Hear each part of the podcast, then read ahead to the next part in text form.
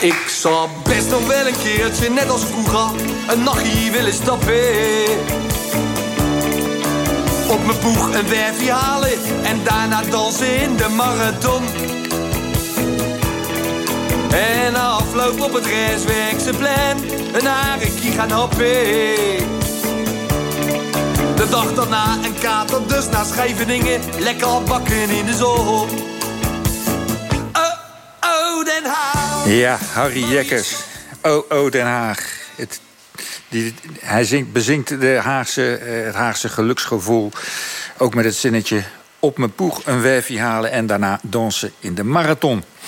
De poeg waar hij over zingt is een Oostenrijkse tweetakbrommer. Dus niet uit Den Haag afkomstig. Maar in Den Haag eh, schijnt hij gekoesterd te worden... als het icoon van de Haagse jeugdcultuur van de jaren 60 en 70. En de afgelopen jaren woedde daar een heftige politieke strijd over de brommer... omdat hij helaas ook extreem vervuilend is. In steden als Amsterdam en Utrecht is hij daar allemaal niet meer welkom. Maar deze week werd bekend dat er in Den Haag een speciale ontheffing komt voor de poeg. En dat hij dus onder voorwaarden nog een klein beetje kan blijven rijden. De gast over die poeg. Ja, ik geloof maar een Ja, paar Paul, dagen. af en toe hoor ik wat Haags tussen. Ja, ja, dat klopt toch, hè? Ja, Ja, dat klopt. Ja, ja, Ja, nee, dat vermoeden we al. Ja. Ik ben daar ook opgegroeid. Dat, maar ik heb me nooit zo gerealiseerd dat de poeg typisch Haags was. Ik dacht, maar goed, dat had ik met wel meer dingen natuurlijk. Dat ik dacht, wat we hier hebben, heb je, heb je overal. Eh, maar goed, hier aan tafel zit eh, eh, eh, de Hagenese poegliefhebber Esther Langendam. Auteur van het boek Poeg, Poegfeest. En fotograaf. Ja, goedemorgen. Ehm, ja, vertel eerst even het nieuws van deze week. Wat mag er nou precies wel en niet met de poeg nog in Den Haag? Ja, de poegjes mogen die ouder zijn dan 30 jaar voor 2010. Die hebben een ontheffing gekregen. En dat betekent dat je 40 dagdelen per jaar mag rijden. Eh, wel op eh, wat milieuvriendelijkere brandstof. 40 dagdelen per 40 jaar. dagdelen per jaar. Dus Hoe gaan ze dat handhaven? Om met de Nou, termen van tegenwoordig te dat praten. is nog de vraag. Ja. Waarschijnlijk via een soort app of zo. We hebben nog geen flauw idee. En eh, je krijgt, je, als je je oude brommertje hebt ingewisseld, krijg je een tegoedbon. En, eh, Wacht even, hier ben je me Oh, kwijt. Moet sorry. je je brommer inwisselen voor die regeling? Nou, als die eh, niet ouder is als 30 jaar, dan moet je hem inleveren. Oké. En nu blijkt, eh, dat is dus de huidige stand van zaken... dat als jij je brommertje hebt ingeleverd... dat je een tegoedbon gaat krijgen... die je kan inwisselen bij een lokale handelaar. Voor, en je kan hem inwisselen voor een elektrische fiets... of een OV-kaart of een elektrisch eh, scootertje. Eh, ja, dus de Hagenezen zitten met de handen in het haar... die nu geen brommetje meer hebben... En eh, wat moeten ze? Geen geld meer voor eh, wat luxere artikelen. Zo te, horen ben je niet zo, zo te horen ben je niet zo blij met dit compromis. Nou, nee, zeker niet. Ik, ik vind dat er weer mensen met een kleinere portemonnee de dupe zijn. Die zitten echt zonder vervoer nu inmiddels. En ja, hoe dat verder gaat lopen, dat eh, moeten we nog even gaan zien. Maar zo, Mhm. een tegoedbon is nooit beloofd door de wethouder. Ja, De maar heb jij, heb jij je poeg zelf ingeleverd tegen een Nee, tegoedbon? nee, gelukkig hoeft dat niet, want die is ouder dan 30 jaar, van voor 2010. Oké. Dus je moet een echte poeg hebben om hem te mogen houden. Ja, wat, ja, een echte poeg, ja, of een kreidler, of eh, hè, al die Oh, oude het, geldt niet het geldt niet alleen voor poegs. Het is Tweetakt. tweetakt. Oké, ja. oké. Want eh, ik, zei net in de inleiding dat die poeg was dus iets van Den Haag. Ja. Hoe zat dat precies? Hoe, eh, Nou, je had eh, in de jaren 60 eh, werd de poeg geïmporteerd door stokvis. En de poeg had toen een nogal kakineus imago. En dat kwam mede door de reclame. Poeg werd gelinkt aan wat rijkere jongelui. En eh, jazzliefhebbers. En ja, op een gegeven moment eh, liep dat eh, eigenlijk niet, de verkoop. En toen heeft Stokvis een ander reclame, of een reclamebureau in de hand genomen, HVR. En die bedacht ineens een wat hippere uitstraling in de reclame. Dus toen ging de verkoop wel lopen. En ja, op een gegeven moment kocht men dus een poegje. En eh daar werd gereden door Den Haag, door eh, tallo- talloze groepen. Ik, ik heb hier op mijn eh, aantekenblaadje taal staan waar ik helemaal niets van begrijp. Misschien kun jij die uitleggen. Ja. Kikkers droegen groene parka. Ja, klopt. Waar gaat dit Ja. over? Dat was Ja, een jas, Jos, in het park. Nou ja, doe maar. Ik wil weten waar het over gaat. En wat heeft dat groene- met de, een groene jas. en wat heeft dat met de poeg te maken? Nou, je kreeg in Den Haag kreeg je, eind jaren 50 eh, rivaliserende eh, groepjes. En je had de eh, kikkers en de plu. En de kikkers waren jongens die droegen een groene parka. Die droegen bordeelsluipers, hè, zeiden we in Den Haag. Dat waren van die Zweden eh, Clarks.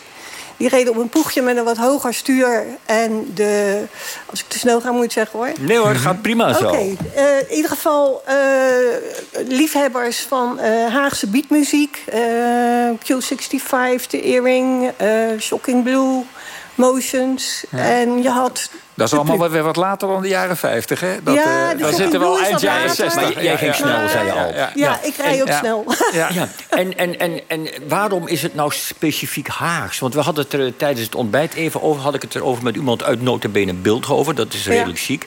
Eh, ik ken mensen uit het oosten van het land... en die reden ook allemaal op zo'n poegje als ze, als ze hip waren. Met zo'n Ja. chopperstuurtje. Nou, we hadden het geluk dat eh, de wat Haagse bandjes nogal bekend werden eh, door Radio Veronica. En toen kreeg Den Haag eh, de naam Beatstad nummer 1. En daar haakten de poegjes op in.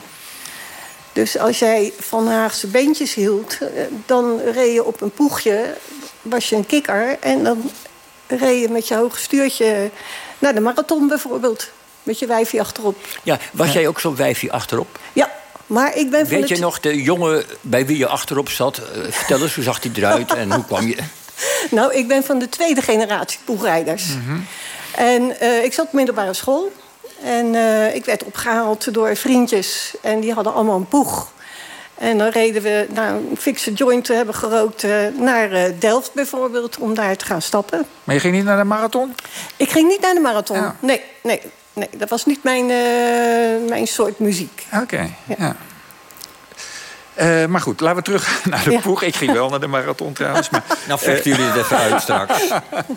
eh, eh, want jij hebt, er, jij, jij- jij hebt er ook een boek over gemaakt. Ja, klopt, Dat, eh, gaat dat ook over de geschiedenis van het... eh, Ja, maar dan eigenlijk van mijn generatie. En een deel eh, derde generatie poegrijders. Die zijn wat jonger als ik. En ehm, ja, ik, eh, ik pocht een poegje in december 1989. En mijn eh, eh, voormalige partner, die was vormgever... En ik als fotograaf kwamen terecht bij een eh, schoenmaker in Den Haag. En die zei, want we hadden onderdelen nodig, het poegje reed nog niet. En die zei, kom er even mee naar achter. En die bleek een enorme verzameling poegjes te hebben. Fantastisch om te zien. En toen hadden we het plan van, nou laten we er een boek van maken. Want er bestaat eigenlijk nog zo weinig over de poeg. En al dus geschieden. En helaas is eh, ja, mm, wat maanden later mijn partner overleden. En toen lag het eigenlijk op zijn gat. Maar ik, eh, ik had wel mijn poeg. En, eh, dus toen ja. dacht je, dan moet het boek er ook maar komen. Ja, en toen zei iemand van... joh, Es, ga dat nou doen, het is zo'n leuk onderwerp, ga het maken. Dus ik heb een nieuwe vormgever gevonden die er helemaal achter stond. En zo is het boek eigenlijk gekomen. En het, ja, de ondertitel is... mijn wijf heeft de poeg gekocht. Ja. En dat zei mijn partner toen ik daarmee thuis kwam. Die vond dat fantastisch. Maar was dat... Kijk, wij zijn nog... Nee, laten we het niet over onszelf hebben. Er was een tijd dat eh, meisjes reden op een mobilet. Ja. Jij reed op een poeg. Kon dat toen? Nou, eh, de mobilet was van eerder. Ik was wel... Maar mobilet was een damesbrommetje. Ja, en, en, ik ken en het. en Ja, een ja, poeg ik was heb er een een gehad. Ja, ja. ja, een mobiletje was natuurlijk eh, veel makkelijker rijden. En eh, ik heb hem Ja, maar... geen versnelling, toch? Hè? Nee, Of- was nog ja, geen precies. Nee. En ik heb, hem nog heel, ik heb hem maar heel kort gehad, want ik had iedere keer pech en ik kon helemaal niet sleutelen. Maar toen kreeg je net in die tijd eh, de oma-fietsen, hè, de halleluja-fietsen noemden we toen. Dus eh, ja, men stapte over op eh, de halleluja-fiets als hippie. En de brommetjes waren milieuvervuilend. En, en waarom heette dat halleluja fiets? Geen flauw idee. Geen flauw idee. Nee. Goed, nou even, even eh, als slotvraag terug naar dat vervuilend. Want Ja. eh, jij pleit ervoor dat ze toch kunnen blijven rijden, die twee takjes.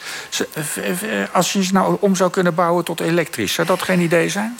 Uh, dat vind ik een heel mooi idee. Maar ik, ik denk dat de eerste generatie daar helemaal niet blij mee is. Want die willen echt sleutelen. En die willen nog uh, die smeren, die tweetakt ruiken. En, uh, maar ja, als het een elektrisch poegje gaat worden... en hij ziet er nog steeds hetzelfde uit. En met een dingdongbel. En dan en het poeggeluidje natuurlijk. Dan Daar vind ga je er wel voor. Oké. Dank uh, Esther Langedam. Uh, nou, voor poegliefhebbers, uh, het boek Poegfeest... het ligt niet meer in de boekwinkel, maar wie weet op internet of zo... tweedehands is er vast toch wel aan te komen.